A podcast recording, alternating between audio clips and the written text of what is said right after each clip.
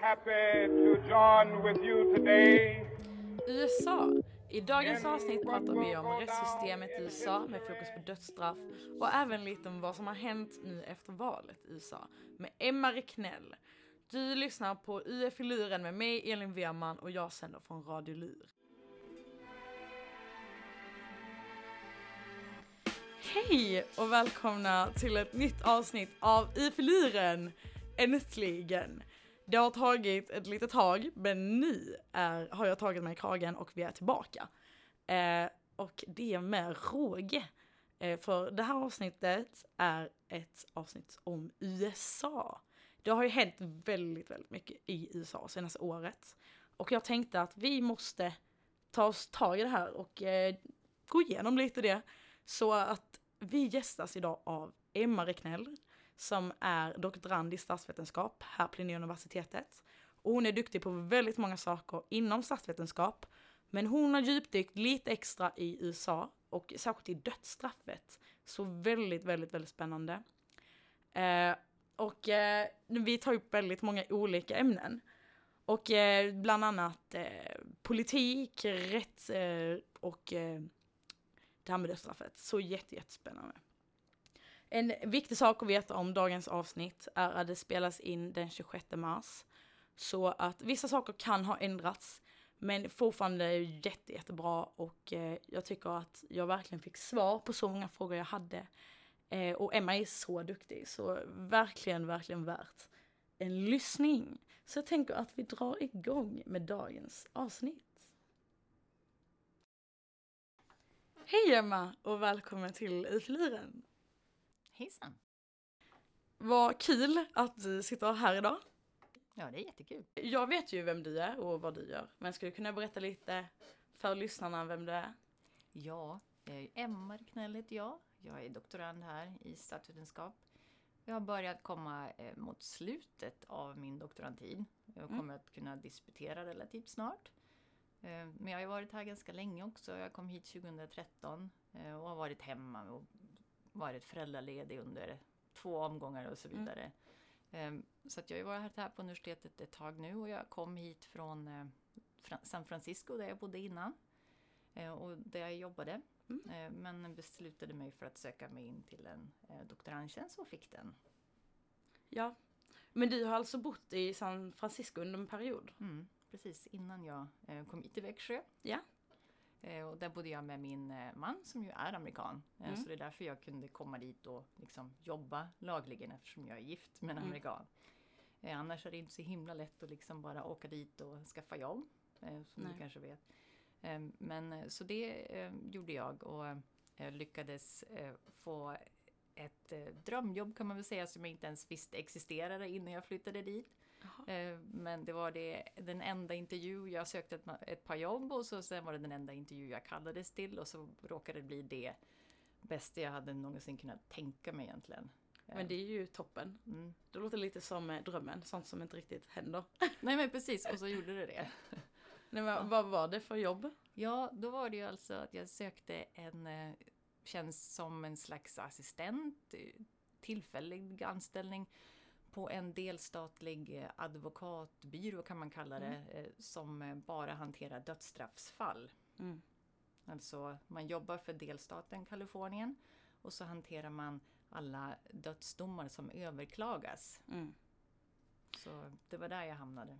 Men vad spännande att hamna i en sån kontext. Mm. Jag tänker, vi i Sverige, vi är ju inte, det har ju varit förbjudet sedan 1975, men mm. dödsstraff så, men vad, vad tänker du, vad är den största skillnaden med USA och, och Sverige som gör att det är lagligt där men inte här? Ja, det är en gigantisk fråga. Och det, det, dödsstraffet är ju det som min avhandling också handlar om. Nu utreder jag inte riktigt sådana saker, men det finns förstås alltid med där i bakgrunden. Och mm. vad kan man säga? Ja, det finns ju historia och kultur som mm. viktiga aspekter här. Ehm, det, det har till exempel delstaten Kalifornien tillhör, som man brukar säga, gamla vilda västern. Mm. Där andra lösningar jämfört med att staten ska gå in och, och ta tag i saker har varit vanligt helt enkelt. Mm. Så mer av en, en mobbmentalitet har funnits i vissa delar av eh, USA där liksom medborgare själva tar tag i lagen. Eh, det har funnits, eh, det finns en rad exempel särskilt om vi pratar om delstater i södern eh, där vi har alltså erfarenheter av slaveri, erfarenheter av lynchningar och andra sådana eh, väldigt negativa e- erfarenheter men som har påverkat sättet som man ser på en förbrytare på något sätt som eh, samhället ska straffa. Mm. Eh, Det finns eh, en högre benägenhet för att eh, utöva våld på så sätt också i historiskt, för det finns en massa sådana aspekter, men där Sverige tog en ganska annorlunda inriktning och liksom under, redan under 1800-talet började tänka på det här med fångar och hur man ska behandla människor som har begått brott på ett annat sätt. Mm. Även om det i- man också ska komma ihåg är, finns jättestor spridning bland delstaterna. Ju. Det finns ju delstater som avskaffade dödsstraff på 1800-talet långt innan något europeiskt land hade ens tänkt den tanken. Mm. Så att det, det är svårt att generalisera. Man måste verkligen veta lite grann vilken delstat det man pratar om nästan, för det kan vara lite olika. Ja. Mm. Men så i- särskilt då i Kalifornien så är det fortfarande ganska vanligt. Eller det händer. Ja, det är ju också väldigt speciella förhållanden. För alltså, i Kalifornien, som är en väldigt stor delstat, befolkningsmässigt förstås, sitter det väldigt många på death row, alltså över 700. Men Ja. man har inte haft några avrättningar sedan 2006. Nej. Så vad som händer är att man bara liksom plockar på fler och fler domar helt enkelt. Men det händer det, det verkställs så att säga inte. Utan det handlar om politik skulle jag vilja säga, där, idag. Nu har guvernören gått in och satt in ett moratorium så det blir inga fler liksom avrättningar där alls. Och det, det kommer säkert att bli så att Kalifornien också avskaffar till slut. Men det har hängt i sig väldigt länge och då ska man komma ihåg att Kalifornien också är ju en väldigt demokratisk delstat. Alltså att demokraterna har ju styrt delstaten Mm. i mångt och mycket och suttit i majoritet i lagförsamlingen lokalt det, i delstaten och det är de som bestämmer Ja. mycket av det här. Så att eh, det, det är alltid det här att man tänker att det är alltid republikaner som är för dödsstraff och demokrater inte är det. Och det stämmer ganska väl. Mm. Men inte alltid. Nej. Särskilt inte om man går in på delstatsnivå alltså. Ja. Så att eh, eh, ja, det, det är en, liksom, en situation där man alltid måste titta på de här eh, individuella förhållandena. Och Kalifornien är nästan bland det värsta exemplet. Alltså, Mm. vad ska man göra med en death row med 700, över 700 fångar Ja. som bara sitter där och man liksom inte verkställer? Vad, vad är poängen? Ja. Ehm, Det är intressant att studera Ja. kan man säga. Verkligen. Men jag tänker de som sitter på Death Row, nu är det ju så, alltså nu är det ju väldigt spritt säkert. Men vad, vilka typ av brott kan det vara? Ja, det är bland de värsta som man kan tänka sig. Mm. Ehm, Jag har jobbat på några fall som, ja, eh, det, det är inte, eh, det är väldigt tunga saker. Mm. Eh, Man tvingas ju hantera otroligt tufft material helt enkelt. Ja. Och sen ska man åka och träffa de här klienterna också på San Quentin i fängelset. Ja. Och det, eh, det är en väldigt speciell upplevelse som ju, ja, det har man ju sett i film flera gånger men jag har ju faktiskt gjort det på riktigt. Mm. Alltså ni, ni, du kan tänka dig framför liksom den här scenen när man hamnar bakom en sån här plexiglasruta och så ska man prata. Ja, precis det har jag gjort. Ja. Eh, med människor som har begått fruktansvärda brott. Mm. Eh, så, så är det. Sen har jag också suttit och pratat med eh, fångar som vi vars fall jag då jobbat på men som faktiskt är oskyldiga. Ja. Men som ändå har dömts till dödsstraff. Men vad kan det finnas för anledning bakom att man är oskyldigt dömd? Kan det finnas politiska anledningar eller att man försöker framea någon? Det, det är ju mycket, mycket politik ofta i, i det hela. Det, det kan vara så att någon domare eller någon poliskår eller någonting vad det nu kan vara be, betedde sig på ett visst sätt och aldrig ville erkänna att de gjorde någonting fel. Mm. Att man har tagit fel på förbrytare och så vidare. Det är väldigt svårt för många, många sådana myndighetspersoner att liksom ta ett steg tillbaka och erkänna att de hade fel. Det Ja. händer aldrig nästan. Och det, och det är egentligen när man pratar om det så här så låter det ju helt otroligt. Hur skulle man kunna döma en person felaktigt? Ja, vad man lär sig är att det oftast inte är helt och hållet svart och vitt det här. Det är, det är ju sällan så att det är liksom en, en random person som går på gatan som blir felaktigt dömd till döden. Det är ju Nej. inte så. Utan det här kan ju vara ett fall där det är en person som faktiskt har varit på brottsplatsen Ja. och som inte är någon slags ängel i den bemärkelsen utan kanske har varit inblandad i droghandel eller vad det nu är Ja. för någonting. Men ändå inte var den som faktiskt kanske stod där med pistolen och sköt någon i huvudet. Mm. Men har, blivit, har dragits med och polisen behöver någon Ja. skyldig.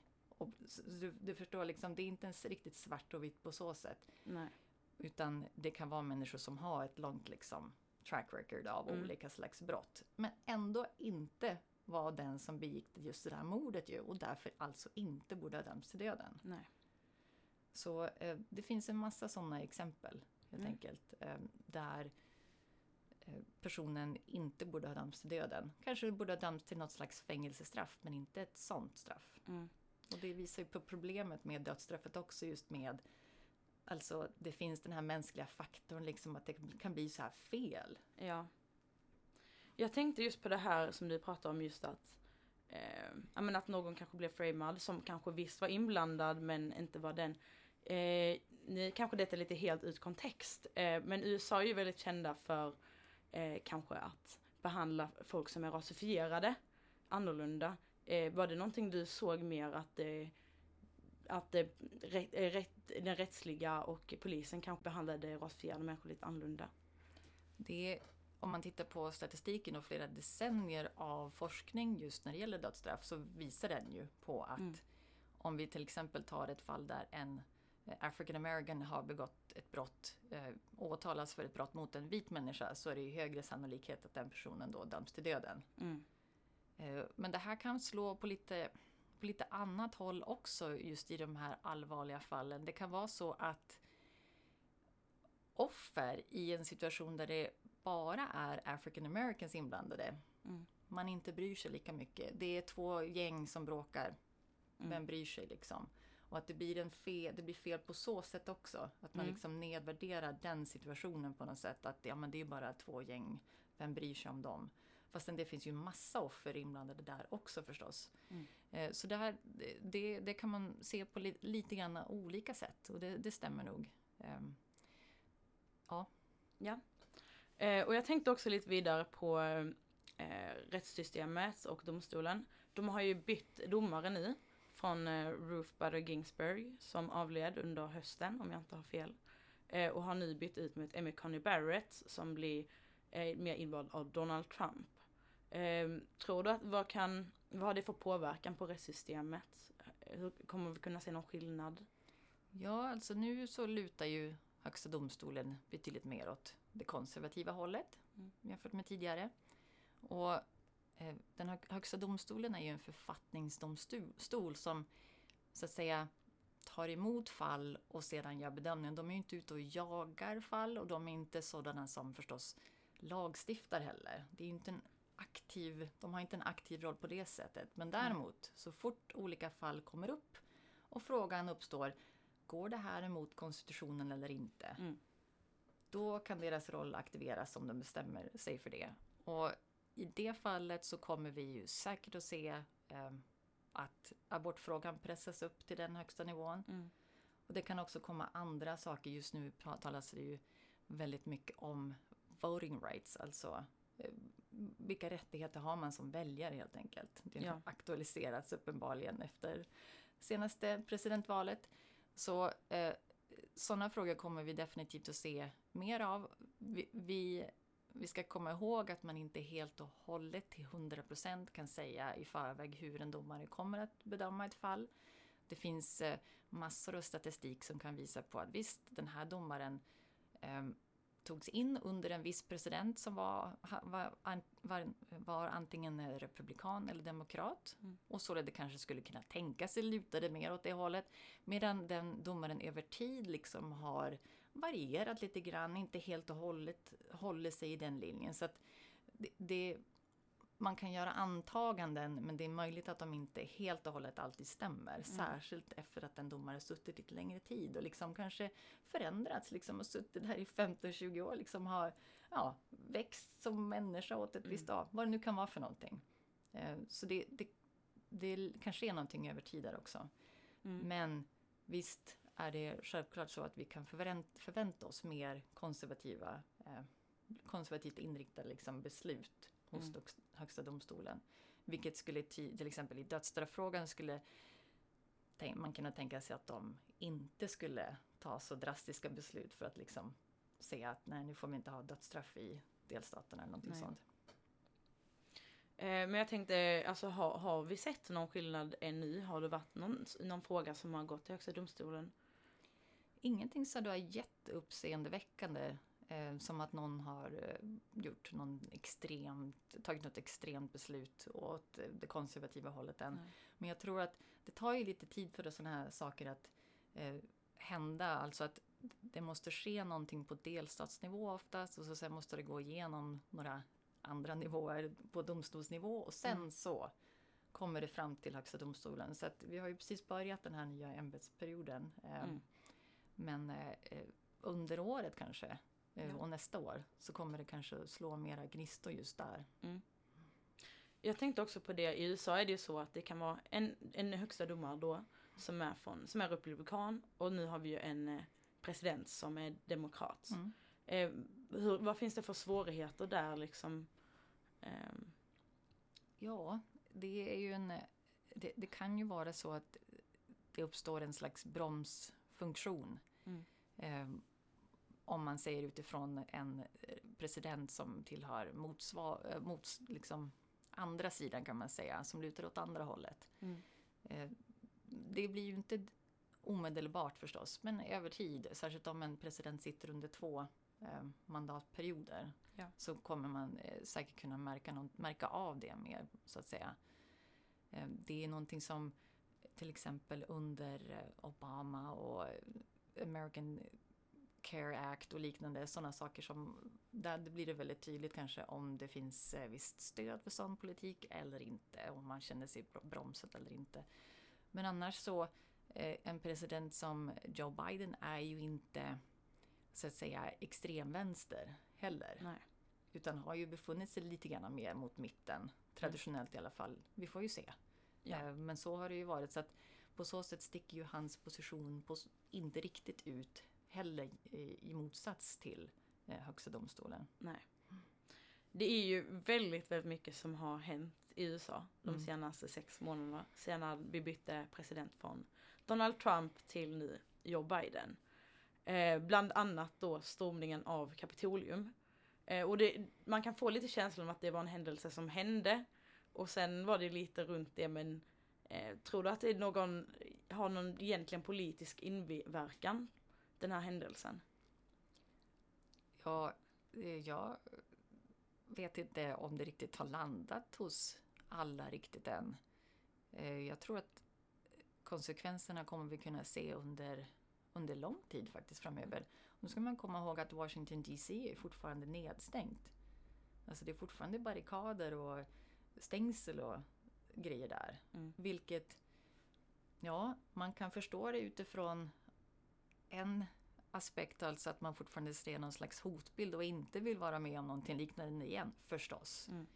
Eh, Men å andra sidan så finns det ju de som är väldigt kritiska mot det här och funderar, ja, men hur, skulle, hur länge ska vi ha det här då? Om något annat land skulle haft deras huvudstad, centrala liksom, byggnader nedstängda så här med Ja. militär och grejer utanför. Då hade man kunnat fråga sig, hur hade vi tyckt att det såg ut? Mm. Det hade sett ut som en diktatur av något slag, eller vad, vad är det här för någonting liksom? Så att eh, det, finns ju li- lite olika sätt att se på den saken. Det var, tydligen så hade de eh, som bestämmer där i Washington DC sett något slags hot ute på nätet och trodde att nu kommer en till sån här stormning. Men det visade sig ju inte alls, det hände ingenting. Mm. Och så jag vet inte riktigt vad det är. Alltså, så det har ju lite grann med just det här med konsekvenserna Ja. att göra då. Alltså hur, hur, man, hur man går vidare från någonting sånt här. Ja. Det verkar uppenbarligen problematiskt. Och man Ja. kan se argument från båda håll liksom. Mm. Ja, det, det var ju oundvikligen en ganska stor händelse att Mm. det här hände. Men det känns ändå på ett sätt som att det, man trodde att det skulle hända så mycket efter det. Men så Mm. hände det ingenting. Nej. Utan det var lite små grejer och mycket media. Mm. Men att det egentligen inte hände någonting. Nej, Så. precis. Så då bör, efterhand så kommer man behöva tänka efter hur mycket är politik här och hur my- mycket liksom är det, fin- finns det ett faktiskt hot och vad består det i? Och liksom, alla de här frågorna, ju längre det går liksom, Mm. så måste man ju nog börja fundera på de sakerna. Men att det var en ofantligt liksom, omtumlande eh, händelse, självklart. Eh, Mm. som, jag, som, som sagt, jag tror inte att vi riktigt har sett alla liksom, konsekvenser än.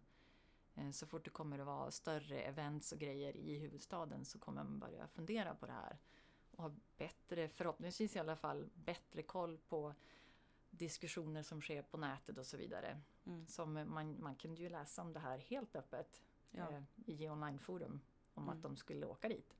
Det var ju Mm. ingen hemlighet så jag förstår inte riktigt vad underrättelsetjänst och annat höll på med Mm. när vem som helst bara kunde, kunde, kunde gå och läsa om vad som skulle hända. Mm. Eh, lite underligt. Ja. Eh, jag tänkte lite på våra lyssnare som kanske inte riktigt vet eh, vad det var som hände. Vad var, vad var det för grupp som eh, intog Kapitolium och vad ville de när de gjorde det? Jag tror inte riktigt någon som kan 100% svara på det heller idag. Det är ju en del rättegångar som genomförs just nu. Ja. har FBI har ju varit väldigt bra på att liksom söka upp genom att allt det här filmades ju. Mm. Och de filmade ju sig själva också och tog selfies och la upp på nätet liksom när Ja. de begår otroligt grova, liksom, begår, begår otroligt grova brott. Eh, Så de har ju spårat upp och på så sätt kan man ju liksom i alla fall kanske få en känsla av vad det är för, för grupper. Men Mm. det, det verkar ju lite Ja, det är ju lite splittrat ändå. Eh, visst finns det, det finns ju det höger, högerextrema inslaget. Eh, människor som organiserat sig online under ganska lång tid och liksom eh, det var ju vissa som kom dit med liksom färdigtryckta t-shirtar tror jag, liksom, där det Mm. stod liksom, vilket datum de skulle vara där och vad de skulle göra. Så det är den gruppen, men sen var det ju en massa andra människor som mer bara kom till huvudstaden för att demonstrera Mm. och som inte begick några brott. Eh, Så det är, det är, det är en väldigt ska, bred skara liksom vanliga amerikaner som man skulle kunna säga. Mm. Men som har, självklart höll på Trump. Och sen de, är, de som faktiskt tog till riktigt våld och begick de här brotten och olika brott av olika slag och ens tänkte tanken på att bryta sig in i själva byggnaden. Ja. Det är ju liksom en annan kategori människor. Eh, men som verkar ha eh, i alla fall funnit en plats på nätet bland olika mer högerinriktade grupperingar som ja, har funnits där ganska länge. Mm. Det har varit lite oklart om det var så att Trump har stått bakom det här eller inte. Mm. Eh, vad, vad tror du? Har han velat att detta skulle hända eller inte? Ja, det var ju det som eh, den andra riksrätten handlade om. Mm. Och att ens prata om att vi har gått igenom två. Det, jag, jag har sagt det flera gånger, jag är fortfarande fast i den första. Alltså att den överhuvudtaget hände. För att det gick bara förbi liksom, pang. Vad var den första riksrätten Ja, för det de var ju om han satt och eh, sa någonting som han inte fick göra när han pratade med den ukrainska president, pre, presidenten. Och, ja, Mm. eh, det, det, jag är fortfarande fast i allt som hände där. Mm.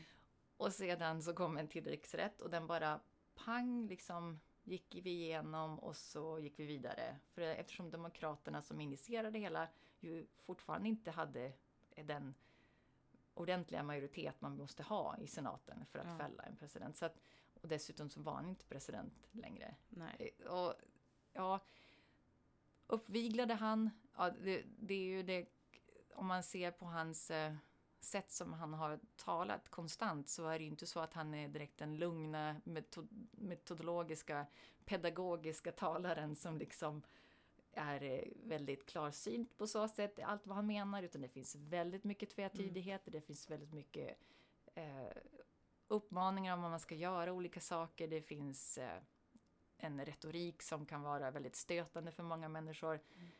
Så utifrån den, sättet som han uttryckte sig på direkt där precis innan de ska gå hade ju definitivt kunnat förbättras. Å andra sidan så tror jag inte att han var med och organiserade någonting på nätet. Nej. Och det hade ju pågått under lång tid.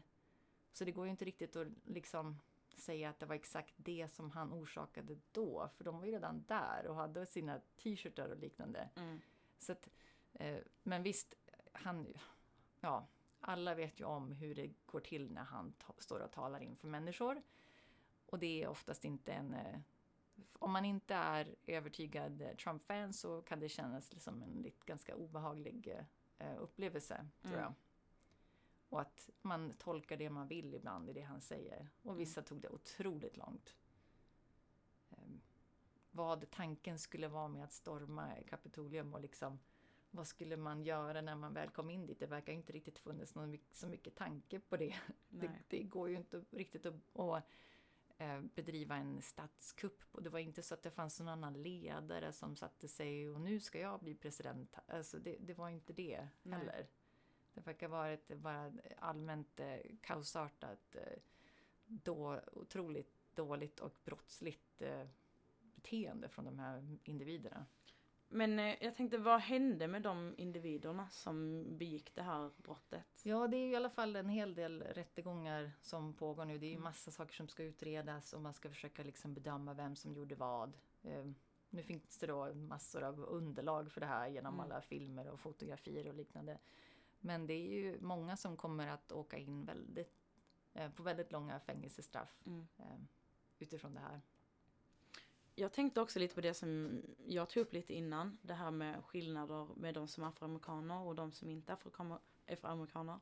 Det är många som har jämfört då eh, Black Lives Matter demonstrationerna med den här stormningen. Och hur, eh, hur de blev bemötta Mm. av polis men också eh, rätt, rättegången.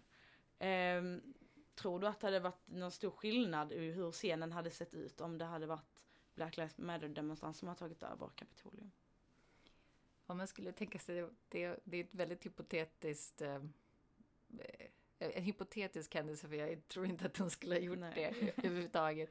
Men eh, ja, för det första som sagt så tycker jag också att det är viktigt att, att tänka sig bredden i människor som man grupperar in i de här liksom, rörelserna. Eh, BLM har ju också problem med våldsutverkning och eh, man sätter eld på saker. Det ska man ju inte liksom glömma bort. Och sen finns det de tusentals andra människor som bara vill demonstrera. Mm. Och det är precis samma sak här.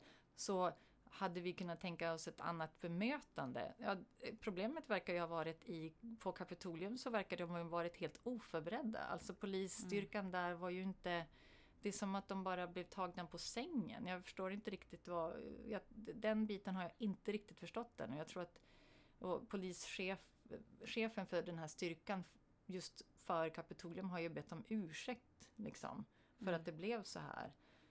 Medan man kan tänka sig, men just den här dagen av alla, varför fanns det inte förstärkning där? Ja, det, det är väldigt underligt. Mm. Men visst kan man tänka sig att eh, ett annat bemötande hade faktiskt skett. Mm. Ifall det hade varit African Americans som hade eh, i stor mängd liksom gått in här Mm. på det. det. Det tror jag ingen kan förneka att det skulle varit så. Nej. Om vi fortsätter lite vidare på nu valet och presidenten eh, och presidentbytet. Så är det ju så här, vad, nu är ju Biden som är president efter att eh, Donald Trump har suttit två mandatperioder och vi har haft en coronakris bland annat. Eh, vad skulle du säga är den största utmaningen för Biden nu när han tar över för Donald Trump? Ja, det verkar ju just nu vara migrationsfrågan som är på tapeten. Mm. Ehm, Det diskuteras ju väldigt mycket i USA just nu och eh, Joe Biden höll ju sin första presskonferens ehm, igår faktiskt. Mm. Ehm, Så här i slutet av mars, eh, vilket var senare än någon annan president någonsin tror jag. Mm. Eh, Han väntade lä- väldigt länge med den här första presskonferensen. Och då togs ju just migrationen upp och väldigt, ja, ganska många ändå ganska tuffa frågor Mm. eh, gentemot presidenten och han, hur, hur man ska lösa den här krisen just med gränsen mot Mexiko. Där Ja. det nu är tusentals människor som vill ta sig över gränsen. Mm. Eh, och det har ju varit eh, alltså att hantera migrationen just i den regionen har ju varit eh, någonting som alla presidenter har behövt hantera med. Mm. Och som vi också vet är att det var, in, det var inte Trump som ändrade politiken helt och hållet där heller utan han fortsatte ju i samma bana som Obama hade Mm. eh, sen tidigare. Eh, att man måste ha såna här liksom läger av något slag där som man liksom som Mm. människor måste befinna sig i innan de kan, man kan besluta om de får tar rätt att söka asyl eller vad det nu är de ska Mm. göra för någonting där de ska skickas tillbaka. Det, men det stora problemet då som man måste lösa nu akut är ju att det är barn som befinner sig där. Mm. Och det, det är ju en totalt ohållbar situation. Det var ohållbart under Obama, det var ohållbart under Trump och det är Mm. lika ohållbart just nu. Så den frågan tror jag, den eh, verkar ju vara akut och som vi vi i alla fall nu den här våren kommer nog diskutera mycket. Men sen är det ju Ja, eh, corona, Mm. alltså pandemin som ju förstås är en otrolig utmaning eh, när det gäller ekonomin i USA Mm. och människors allmänna välbefinnande. Eh, det är vaccinationerna som han har satt upp ett väldigt eh, tufft mål nu som man ska försöka nå. Mm. Eh, och det går ju ganska bra ändå i alla fall, måste man säga. Vad är det för mål han har då? Han skulle dubbla antalet eh, vaccinerade Mm. tror jag. Så det är ju ofantliga mängder människor det handlar om. Och det, Mm. Men det går, verkar ju gå ganska bra i alla fall. Mm. Som sagt. Och sen så är det ju det här med till exempel miljölagstiftning. Eh, där den här administrationen såklart har en annan inriktning när det gäller miljöpolitik och vill styra om det och tillbaka kanske mer mot hur Obama eh, bedrev politik på det hållet, var mer inblandad i det internationella samarbetet när det gäller eh, miljö, eh, klimatpolitik och så vidare. Mm. Eh, Jag tänkte migrationsfrågan eh, mot Mexiko. Mm. Eh, för de som kanske inte riktigt vet vad det är som händer där, vad, exakt vad är det som är på tapeten? Vad är det för problematik? Ja, det har ju, eh, vi vet ju om att Trump till exempel gick till val på att bygga en mur där gentemot Mexiko. Den är ganska välkänd. Och varför skulle han vilja göra det? Ja, det är ju för att människor strömmar över den här Mm. gränsen som är ganska lång och som är svår att helt och hållet övervaka. Och var, varför gör man det? Ja, det är ju människor från, från en rad fattigare länder Mm. eller män, eh, människor som lever under eh, ja, gängkriminalitet eller liknande eh, i Latinamerika eller Sydamerika som vill till USA Mm. Och är villiga att betala eh, och utlösa otroliga mängder pengar för att, en, eh, för att olika karteller eller liknande ska ta en över gränsen och så vidare. Mm. Eller så i vissa fall som det nu, nu har blivit så gör familjer det valet att man skickar sina barn ensamma Mm. för att ta sig över gränsen och för att ta sig in i USA för att de ska få en bättre framtid där helt enkelt. Och du sa också det här med att det är barn som sitter i, flykt, eller i de här lägren då. Mm. Hur länge sitter man där? Ja, egentligen ska man ju inte få se, alltså det ska ju handla om en dag men problemet är att när det är tusentals Mm. så går det inte att processa igenom dem så snabbt utan då blir de ju kvar där Mm. ett tag. Nu fick, har man fått se på bilder på, ja i alla fall lite, vad ska man säga, trevligare läger som mer påminner om, ja kanske en skola eller Mm. någonting med en skolgård och liksom, det, finns möjlighet till aktiviteter och Mm. många av, av de här minderåriga är ju kanske över 15 också så Ja. att det är ju inte, det är inte ettåringar som sitter själva liksom Nej. på så sätt. Utan det är ju, ja, de ska ju inte klara sig själva så att säga, men de är ju i alla fall kanske 15, 16, 17. Mm. Och ja, vänta där helt enkelt på att någonting ska hända. Men sen har ju Biden sagt också nu att de försöker bli så himla mycket bättre på det här och snabbare på det här. Att ha personen en släkting i USA så ska man ringa till dem och så pang liksom. Mm. eh, Ska den personen kunna komma och hämta eller vad det nu är för någonting. Så att de ska bli mer effektiva i det här. Mm.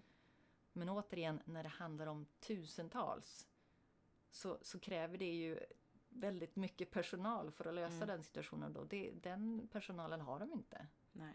Nej. Jag tänkte också på det att Biden, då han kandiderade ju framförallt för att Trump inte skulle kunna sitta kvar då. Ehm, men tror, och det är många som spekulerar om att han, han sitter liksom bara ut den här perioden och öppnar för någon annan. Men tror du att vi kommer att se några egentliga stora skillnader? Eller kommer han kunna göra någonting under den här perioden bättre och annorlunda? Ja, alltså en individuell president kan verkligen, om vi tänker på vad Trump gjorde, sätta mm. ett ordentligt avstamp eh, i, inom landets eh, politik och inriktning, till exempel utrikespolitiken där ju Trump hade en generellt annorlunda prägel jämfört med andra kan man ju minst sagt säga. Mm. Eh, och det är inte så att vi inte tänker på Obama så tänker vi också till exempel utrikespolitik så tänker vi vilket, vad han gjorde för bidrag på den fronten. Mm. Så visst, en, en president som Biden kan också göra kanske till slut hittar vad det är särskilt han vill satsa på. Om det är något särskilt område. Om det är kanske då miljö eller mm. om han vill eh, bli känd som den som tar USA på något sätt ur den här ofantliga krisen som coronapandemin ändå har ja. inneburit. Eh, det finns ju, den går liksom inte riktigt att räkna bort utan den kommer ju vara med under flera mm. år. Och man kan tänka sig att det är där han verkligen kommer göra ett bidrag. Men alltså, han är gammal. Ja.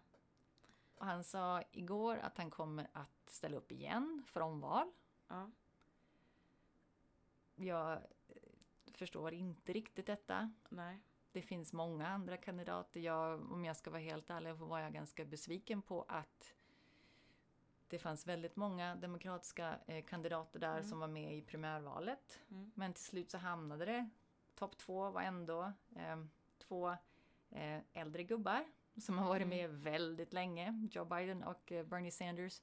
Mm. Fanns det inga andra som kunde Nej. ta sig högst upp, längst upp? Ja, det, det, det, där ställer jag mig lite frågande och då kan man tänka sig, ja, fick han en skjuts i och med den vicepresidentkandidat han valde, mm. som nu är vicepresident, Kamala Harris? Ja, där kan man väl tänka sig att det kanske fanns då den här injektionen som verkligen ja. behövs för att väga upp det faktum att det här är en, en mycket eh, ålderstigen herre. Mm. Eh, som definitivt har gjort eh, otroligt liksom, jobb som politiker men som man skulle kunna tänka sig hade kunnat eh, ta det lite lugnt nu kanske. Också. Ja. jag vet inte, jag, jag, jag var allmänt lite besviken där. Så eh, jag hade tänkt, jag tror inte att han kommer att ställa upp helt enkelt. Jag, tror, jag har svårt att tänka mig att han ens håller sig hela mandatperioden ut om jag ska vara helt ärlig. Nej. Eh, vi får se. Ja. Men jag tänkte det där kan vi se en liten skillnad så att i USA verkar det vara lite svårare att ta sig till den positionen än vad vi, om vi jämför med i Sverige. Eh, när vi har Stefan Löfven liksom, mm. som inte har samma bakgrund som man skulle kunna tänka sig att Joe Biden då har. Mm. Eh, varför tror du att det är så i USA att de har de kraven liksom? Eller att det är bara de som har eh, lite rikare bakgrund som tar sig till de ställena? Ja, det är ju det, val processen och hela systemet helt enkelt handlar ju otroligt mycket om pengar på ett annat sätt mm. än vad det gör um, i Sverige. Det, du tar det inte vidare till... Alltså, jag har en, eh, en kompis som ställde upp som till, till med, borgmästarval lokalt mm. i hennes stad, hemstad där hon bodde. Och det kräver ju också massa pengar för mm. att kampanja. Så liksom från allra första början så handlar det ju om att du ska samla in så mycket pengar. Mm. Och det gör du ju sällan som individ utan ett stort nätverk på något sätt. Nej. Och det nätverket får du ju över tid när du liksom tar dig in i eliten, vad det nu är för någonting antagligen. Mm. Det är ju, kan man tänka sig, bara sådana här helt unika personer som Donald Trump som, har, som redan har egna pengar. Ja. som kan göra det där och ställa upp liksom, jag betalar för min egen kampanj. Det kan ju inte vem som helst göra alls. Nej. Absolut inte. Så allting handlar ju om pengar och då är det inte kanske så konstigt att det är, det är inte liksom den, en, den där rörmokaren där ute som ställer upp till presidentvalet och vinner. Nej. Liksom. Och, och, även om den där rörmokaren har varit med i partiet länge och sådär. Nej, nej. Det, det funkar ju inte så. Utan det är ju en, oftast väldigt etablerade eller, eller personer som ganska tidigt lyckas få det här stödet från etablissemanget kan man säga. Mm. Ehm, jag tänkte också vidare på det här med eh, att i Sverige så Donald Trump har ju framställts lite som en galen person, skulle vi kunna tänka. Ehm, men det är ju väldigt många i USA som fortfarande röstade på honom och tycker att han har bra idéer och att han har gjort ett bra jobb. Ehm, men in, tror du vi kan se någon försämring nu inom något område nu när det eh, är Joe Biden som är där istället för han? Jag ett, om jag försöker tänka på hur eh, de skulle argumentera så skulle de ju definitivt säga något som just utrikespolitiken. Mm. Där man har uppskattat en eh, mer kraftfull liksom, president som går ut och tänker på USAs intressen och inte låter sig liksom köras över av ett land som Kina mm. till exempel. Där kan det ju komma en del kritik utifrån hur eh, Joe Biden bedriver sin utrikespolitik kanske om man mm. ser att det här är någon slags problem. Och det kan man ju fundera på, vem vill man ska vinna här utifrån de här storspelarna? Mm. Ehm, det, det är ju också en tanke över tid sådär, eh, hur, hur, vi, hur vi tycker om, om det och om det skulle bli en försämring eller förbättring. Å andra sidan är det ju många som tycker förstås att det var problematiskt när det blir ett instabilt eh, liksom, världssystem när det är en spelare som är en storspelare i USA som inte vill vara med längre på något sätt eller som går sin egen mm. väg. Och att man då istället tycker att det är betydligt mer positivt klimat när USA är med liksom, i olika sammanhang, internationellt mm. samarbete och så vidare. Så att det är svårt att säga sämre eller bättre men annorlunda kan man ju tänka sig att det kommer mm. bli och gå åt, mer åt, tillbaka mot kanske hur Obama eh, drev sin utrikespolitik på så sätt. Sedan så måste man ju säga saker som att eh, det eh, genererades väldigt många nya jobb under Donald mm. Trumps eh, presidenttid. Det är ju mycket som går att säga om eh, corona. Det är, självklart så har ekonomin gått åt andra hållet än dess. Mm. Men det gick väldigt bra eh, för ekonomin och för just arbetslöshetssiffrorna och så vidare under hans tid. Så vissa saker han gjorde eh, rent eh, inom ekonomisk politiken, eh, den ekonomiska politiken och vissa stimulanser eller avregleringar som mm. gynnade skapandet av jobb. Det mm. skulle man kunna tänka sig. Kanske blir det en förändring men det är väldigt svårt att bedöma också eftersom återigen inget är som vanligt. Nej. Utan vi har en pandemi där människor har förlorat sina jobb. Mm. Det är svårt att bedöma om Donald Trump hade varit på något sätt eh, mer effektiv i att få tillbaka de jobben eller inte. Det, mm. det, det, är svårt men, eh, men det finns ju en del områden, politik, politikområden där eh, många, verkligen många uppskattade det som Donald Trump gjorde. Mm.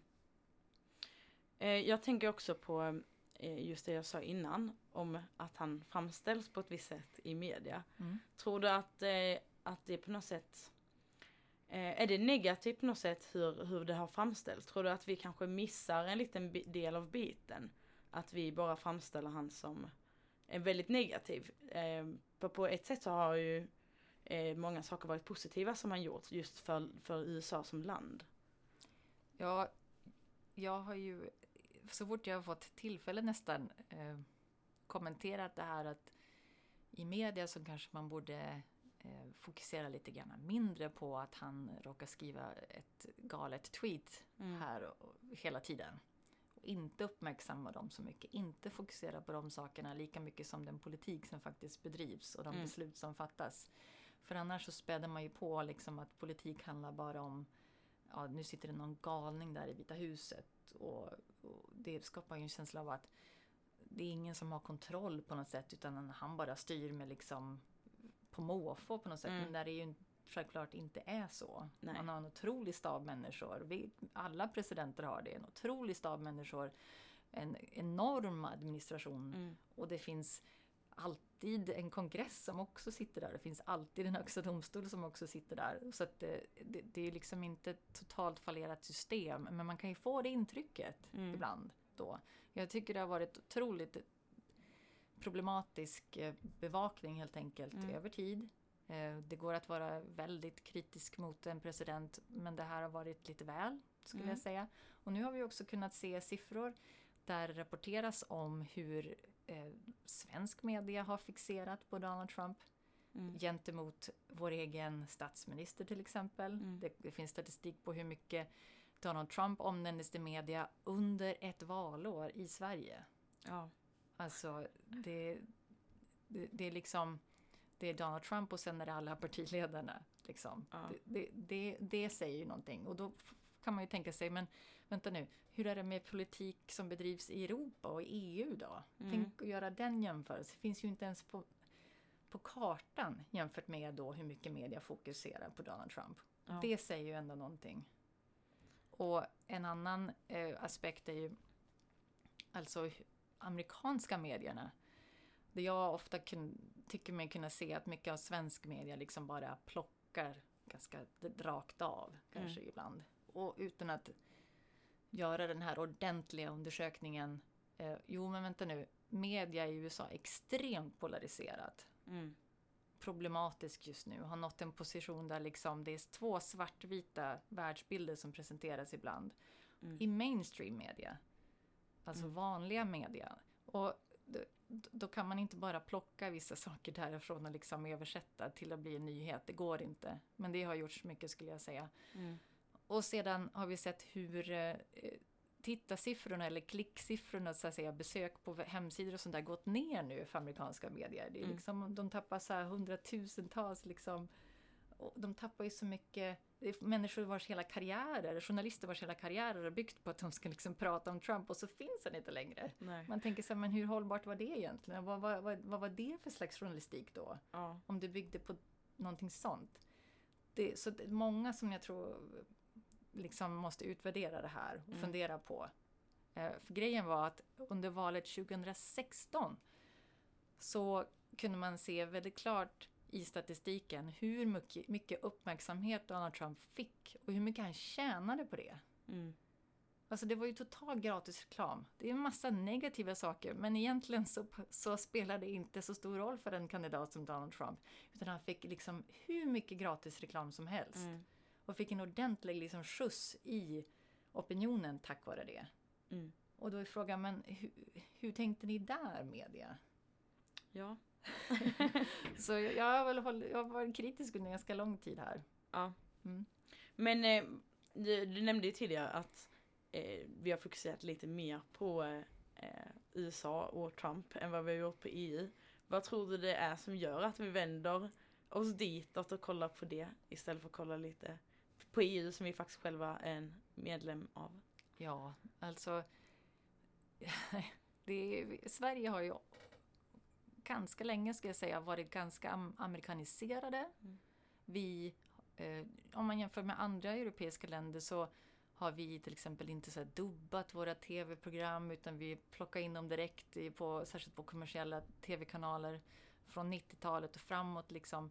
Väldigt mycket fokus på den kulturen och det är väl inget fel med det. Liksom. Det är ju, skulle väl jag som tycker om det här landet överlag och som har bott där, tycker jag är väldigt positivt på så Mm. sätt.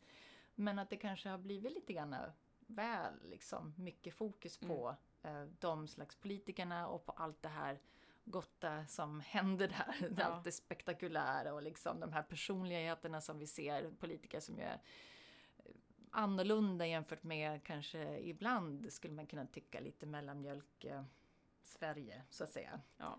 Så att den kontrasten förstår man ju. Och Mm. vad ska man, som, som jag har faktiskt skrivit ett paper om när det gäller primärvalet förra gången. Vad ska, ska man göra så att man inte inte liksom rapporterar om när kandidater står och bråkar med varandra egentligen stort sett på scenen. Det är ju helt galet. Mm. Man, det, jag förstår liksom varför media tar upp sådana saker. Ja. Och jag förstår när en president gör sådana utspel som är helt, eh, ja, man, man nästan inte kan förstå hur det kan ha skett ens. Jag förstår varför man rapporterar om det.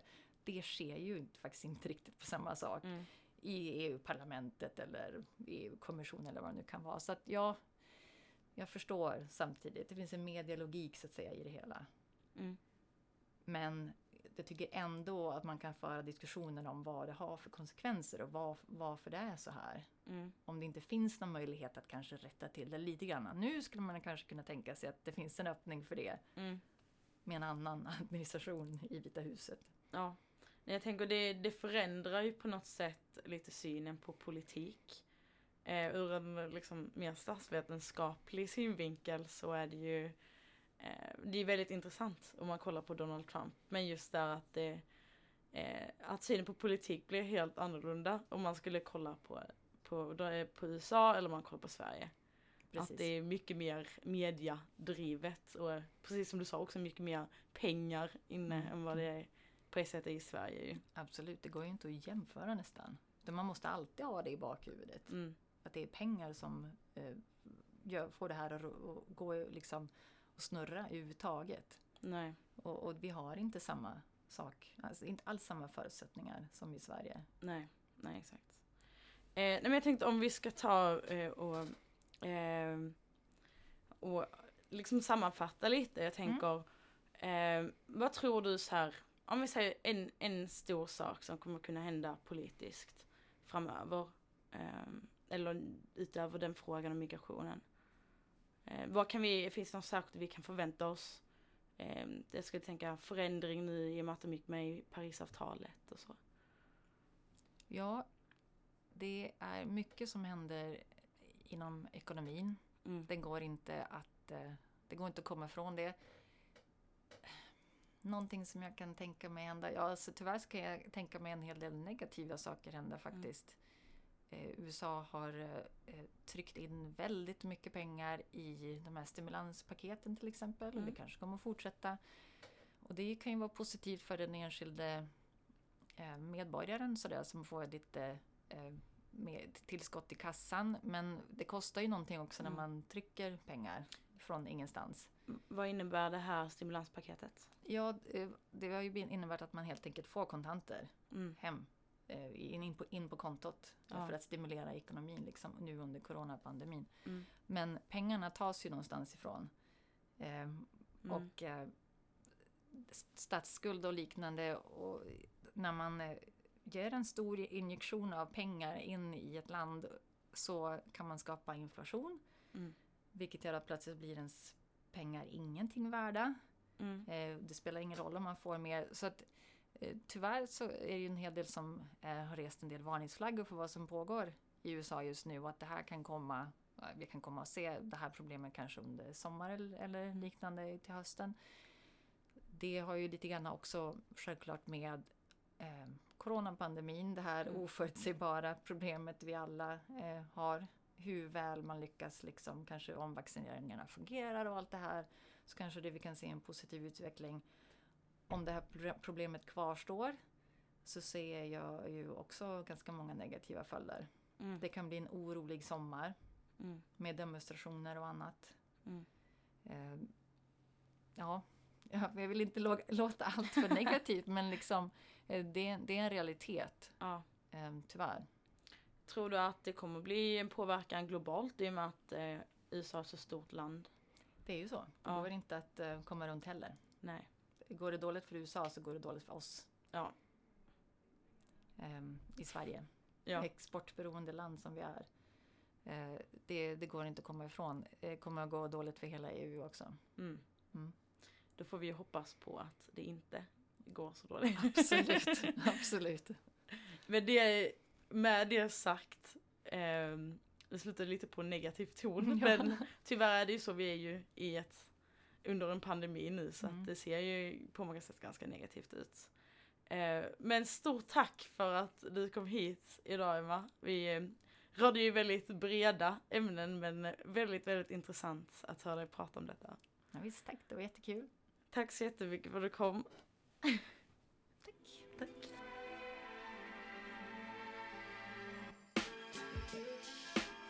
Så, det var då det här avsnittet. Och eh, det blev lite långt, men jag tyckte att det var väldigt viktigt att vi höll det långt.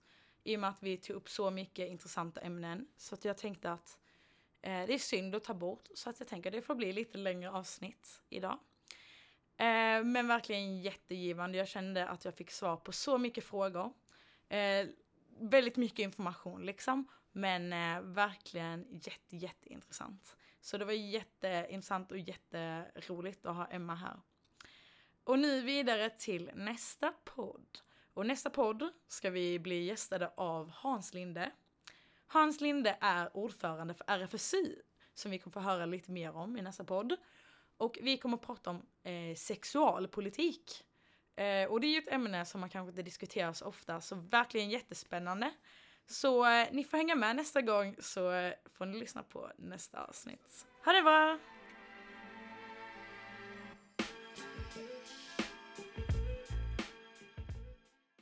Du har lyssnat på ett poddavsnitt från Radio Lur, studentradion i Växjö. Vill du också göra radio? Gå in på radiolur.com.